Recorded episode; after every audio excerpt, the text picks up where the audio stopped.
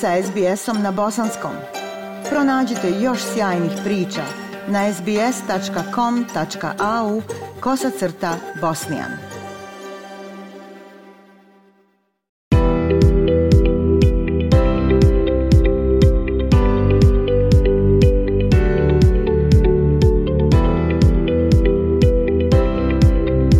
Slušate SBS program na bosanskom jeziku. Ja sam Aisha Hadži Ahmetović. Govoriti o Ramazanu, njegovim ljepotama i vrijednostima, njegovim počecima, trajanju i kraju, znači odškrinuti dio svijesti, sjećanja i doživljaja vjernika muslimana. Ramazan je putovanje u duhovne sfere popraćeno božanskim imperativom propisanog posta i pojačane pobožnosti. Neko je rekao da su Ramazani vjernika kao godovi koji govore o sazrijevanju njegovog vjerovanja i spoznaji o neminovnosti protoka vremena. Dolazak svakog novog Ramazana nagovještaj je posebne atmosfere koja prati svete dane, a njegov završetak ispraćanje najdraže gosta. Zato su osjećanja radosti i sreće prisutni u dočeku Ramazana koje zamjenjuju tuga i sjeta pri njegovom isteku. Danas o Ramazanu govorimo iz jednog sasvim ličnog ugla, o tome kako se ovaj mjesec provodi u kući, sa familijom i prijateljima. Čime su ispunjeni ramazanski dani i lijepe ramazanske noći govorit će nam naš današnji gost, gospodin Said Smajić iz Perta, koji nam se prije par godina predstavio kada je govorio o svom izbjegličkom putu i novom životu u Australiji. Gospodine Smajiću, srdačna dobrodošlica u SBS program na Bosanskom. Jako me raduje da ste se odazvali pozivu da gostujete u našoj emisiji. Ramazan Šerif Mubarek Olson. Allah, razio sam draga Ajša, veliko hvala na pozivu. Uvijek zadovoljstvo biti sa puno prijatelja, dragih ljudi iz Melburna koje ja poznajem, kojima sam u kontaktu i evo i ja u ime moje i moje familije, svima vama u Melbourneu želim također e, Ramazan Šerif Mubarek Olsu i Maksu Selam svim slušalcima vašeg programa. Već smo u drugoj polovini Ramazanskog puta. Recite šta vama znači muslimanski sveti mjesec i kako doživljavate ovaj Ramazan 2023.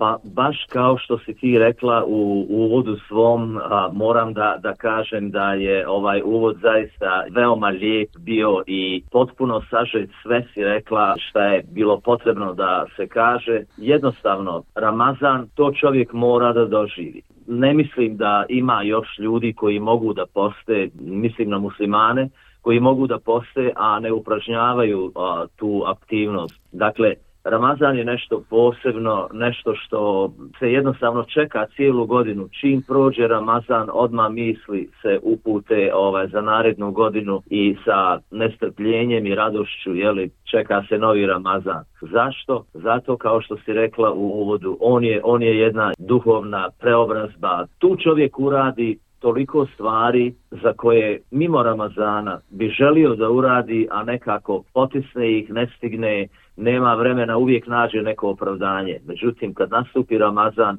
onda se sve podredi samo jednom cilju, a on je sticanje Božeg zadovoljstva, milosti i oprosta. Gospodine Smajeću, kako biste opisali Ramazane u vašoj familiji, u vašoj kući? Ja ne mislim da se naši Ramazani i način na koji mi provodimo uh, Ramazansko vrijeme razlikuje od većine ljudi iz Bosne i Hercegovine. Jednostavno, možda je razlika u tome da se sve posveti Ramazanu. Sve što radimo u principu ima svrhu da Ramazan bude prisutan, da budemo svjesni da je to Božja naredba i da praktikovanjem svega onoga što je preporučljivo da se radi tokom Ramazana je u jedinom isključivom cilju za sticanjem Božeg zadovoljstva da čovjek dobije njegovu milost i zasluži njegov oprost ako Bog da. Dakle, od jutarnjeg ustajanja na sehur i cijeli dan prođe u stvarima koje bi čovjek radio i nastojao da se s njima približi uzvišenom stvoritelju. Što više činjena dobrih dijela, što više posebnih ibadeta koje zanemarimo u toku godine. Naravno, najveće, govorim za moju familiju, je povećano druženje sa časnim Kur'anom. Dakle, većina, većinu vremena i dnevnog i noćnog provedemo u molitvama i u druženju sa časnim Koranom koji kao što znate je Božja riječ i samim tim to je i razgovor sa Allahom. A možete li nam otkriti šta vaša supruga najčešće kuha tokom Ramazana? Ima li nešto što se neizostavno mora naći na sofri? Ili da li postoji neka posebna hrana koja vama naročito prija tokom Ramazana? Pa moja supruga pored toga što nastoji da svojim dijelima zadovolji uzvišenog stvoritelja, ona dakle svojim dijelima nastoji da zadovolji imene. Tako da ona uvijek uvijek pita mene šta bi ja želio sutra ili šta bi želio ujutro za sehur i tako dalje. Međutim, mislim da je naš jelovnik e, sličan našim običajima u Bosni i Hercegovini. Dakle, mi i jutarnji i sehur započnemo sa nekoliko kurmi. Ujutro je nešto laganije, jer nekako to, je tvar našeg, našeg ličnog ono body clock. Ujutro nismo baš toliko raspoloženi ni gladni za nekom hranom posebno. Najviše se posveti e, vremenu vremena u kahvenisanju, pojede se nešto tek toliko da bi čovjek mogao da provede dan, da ne bude, da, da ne, vede, ne dovede svoje tijelo, pošto je moja supruga šećeraš i ja, ali puno blaži, a, tako da jednostavno uzimamo ono ujutro laganije da nam ne bi opteretilo stomake i pravilo problema tokom dana i puno kafe i tečnosti ujutro se popije a na večer isto tako pose dakle završi datulama i čašom vode, onda se obavi večernja molitva, akšam namaz i onda ide jelo. Moram napomenuti isto da u Pertu ovdje mi upražnjavamo da pozivamo jedni druge na iftare, tako da pored zadovoljstva iftara u kućama vrlo često odlazimo prijateljima koji nas pozivaju na iftar i isto tako onda i mi organizujemo i pozivamo prijatelje na istar nama kući. Tako da ne mislim, ne mislim da se naš jelovnik razlikuje puno. Naravno, puno ima jela iz Bosne i Hercegovine, kao što su sarme. A ono što si rekla obavezno, obavezno je recimo supa jer ja zaista volim supe i onda organizam iscrpljen uh, u toku dana, to nešto tečno i toplo je, je ovaj, izuzetno važno. Dakle, poslije poslije hurmi i obavljanje molitve onda uvijek ide supa i onda se nastavlja sa ostalim stvarima. Ali, dakle, većinom jela, jela iz našeg repertoara bosanskog, staradne dolme, pite i tako dalje. Mnogi bosanci i hercegovci se s nostalgijom prisjećaju Ramazana provedenih u domovini kada su mirisi tek ispečenih lepinja u iftara strujali ulicama, dajući im posebnu atmosferu, a djeca pažljivo pratila kada će se upaliti kandilji na najbližoj džamiji. Kakvi su bili, gospodine Smajeću, Ramazani, vašeg djetinjstva? E, to je ovaj, zaista sa svijetom sa se sjetiti toga, ali eto mogu reći sa radošću, jer prve Ramazane koje ja pamtim znam da je bila duboka zima. Dakle, oni su bili negdje u decembru, decembru, januaru. Znam da je bio veliki snijeg. Moj otac Rahmetli je ili radio ako je dolazio sa noćne smjene ili je trebao da ide u dnevnu smjenu i ja sam, kako bi rekao, bio sam ono nestašno dijete, uvijek radoznalo i zanimalo me zašto se u to doba noći ujutro, kad je potpuno neobičajeno, zašto se kućem šire mirisi hrane i onda bi se ja budio i vrlo često bi jeo zajedno sa mojim ocem i majkom, a moj brat i sestra nisu upražnjavali to, mada su bili stariji od mene, ja sam kao najmlađi i sjećam se toga. Dakle, vrlo jedno lijepo sjećanje na Ramazan iz djetinstva, a isto tako i u onom, da kažem, odraslom dobu. Jedno vrijeme se bilo zanemarilo to. Znaš ti, Ajša, sama i većina slušalaca moje dobi znaju da smo mi živjeli u jednom drugom okruženju.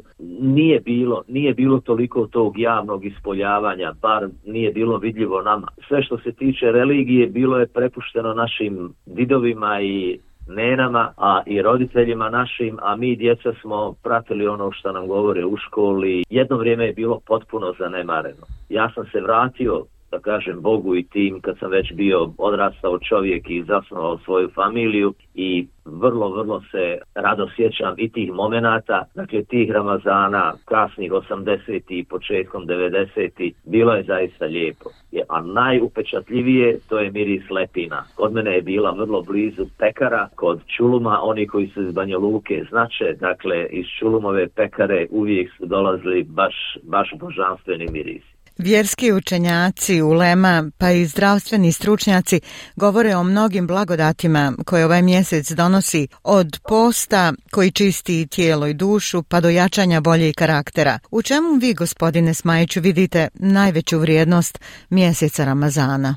najveća vrijednost Ramazana za mene je to što čovjek sve podredi, sve svoje aktivnosti podredi tome što sam rekao na početku, dakle sticanju Božeg zadovoljstva, njegove milosti i njegovog oprosta. Čovjek htio ne htio prođe se bespotrebne priče, besmisleni razgovora, nestanu i ružne misli, ne uvijek, ali jednostavno bude ih, budu puno manje prisutne, jer kao što znamo, poslanik Ali se nam, nam je rekao da su šeitani ili oni demoni koji nas nagovaraju na, na loše stvari, oni su sputani tokom Ramazana, svezani i nemaju mogućnost djelovanja u široj zajednici i na pojedince. Prema tome, Mislim da je duhovna vrijednost pored, pored tjelesnih benefita koje uživamo, naučno je dokazano da je islamski post najzdraviji i najbolji, najviše koristi ljudskom tijelu kao jedan vid e, čišćenja od svih onih nagomilanih nečistoća i otrova koje nezdravom ili nečistom hranom unesemo tokom godine. Ramazan je Ramazan i islamski post je taj koji na najbolji način očisti tijelo, a sve ove druge aktivnosti što sam rekao od posta, povećanih uh, ibadeta, posebnih molitvi, druženja sa Kur'anom i tako dalje, to je ono što, što čovjeka tokom Ramazana duhovno preporodi. Ramazan je to svojevrsno punjenje baterija da čovjek onda može da djeluje na normalan način tokom ostalih 11 mjeseci u godini. I Ramazan je nešto što je jako, jako teško opisati riječima, on se jednostavno mora doživjeti i na taj način osjetiti. Kako se Ramazan obilježava u bosansko-hercegovačkoj zajednici u Pertu? naša zajednica u našoj Svon Vali džami organizuje svako jutro, evo to je ono nešto posebno što nema mimo Ramazana, nakon jutarnje molitve uči se mu kabela, prouči se po pola kuranskog džuza i isto tako nakon podnevne molitve se druga polovina tako da se svaki dan kompletira slušanje jednog eh, kuranskog džuza, što na kraju rezultira učenjem eh, cijelog Kur'ana časnog, eh, dakle davanjem hatme. Onda se obilježe posebne noći u Ramazanu, noć Bedra, noć leletu, Kadra i tako dalje. I stari se organizuju pokućama zajednički, a vrhunac svega je noć, blagoslovljena noć Lejletul Kadra u kojoj je počelo objavljivanje Kur'ana. Ona po mnogima ili u saglasnosti sa većinom uleme pada na 27. noć Mubarek mjeseca Ramazana i tad zajednica organizuje veličanstveni zajednički iftar i to je nešto što stvarno treba vidjeti, vidjeti i doživjeti jer je jako teško opisati to. Tokom noći, svaku noć su teravije, održi se i kratko predavanje ili neki drugi vid aktivnosti. Uglavnom, sve je drugačije u Ramazanu od onoga mimo Ramazana. Vi ste poznati u bosansko-hercegovačkoj zajednici Australije kao osoba koja prakticira vjeru i vjerske obaveze. Obavili ste i hađ, ali su karakterne osobine poput blagosti, tolerancije i dosljednosti razlog što vas ljudi cijene. Pružate sliku iskrenog vjernika i riječima i dijelom. Da se slažete? Ja nastojim prije svega da svojim dijelima steknem Božje zadovoljstvo. A onaj ko radi u skladu s onim što je Bog propisao, on će sigurno, ako ne biti od koristi, neće biti na šteti drugim ljudima. Mislim da ljudi to znaju vidjeti i prepoznati i onda na kraju i cijeniti. Šta biste poručili našim slušaocima?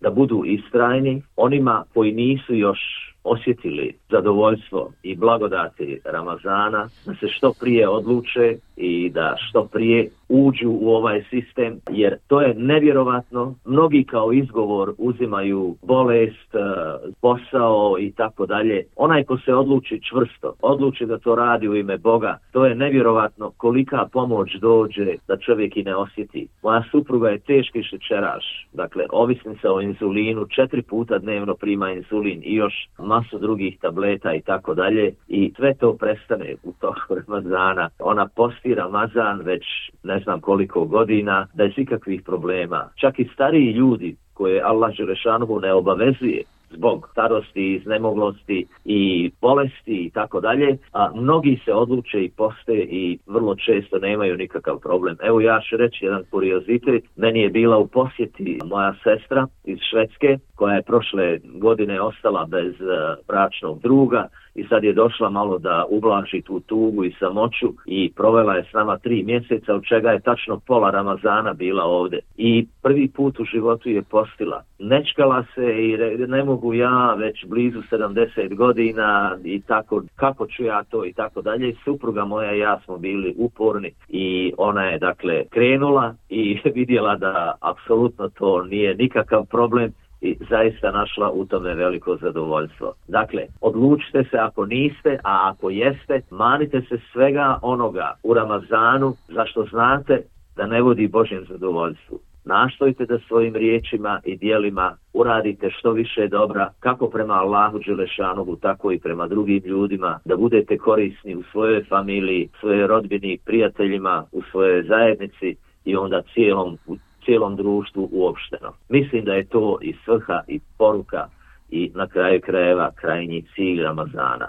Nebrojene su nagrade koje su obećane za dobra djela tokom Ramazana i one se mnogostruko uvećavaju tokom Ramazana, tako da je zaista šteta propustiti sve one blagodati i mogućnosti koje Ramazan sa sobom donosi i pruža, jer u jednom hadisu poslanika ali vam se kaže da je propao čovjek, dakle nije onaj koji oboli ili koji izgubi bogatstvo i tako dalje. Kaže propao je onaj čovjek koji u zdravlju dočeka i isprati Ramazan, a svojim dijelima tokom Ramazana ne zasluži Božje zadovoljstvo, milost i oprost.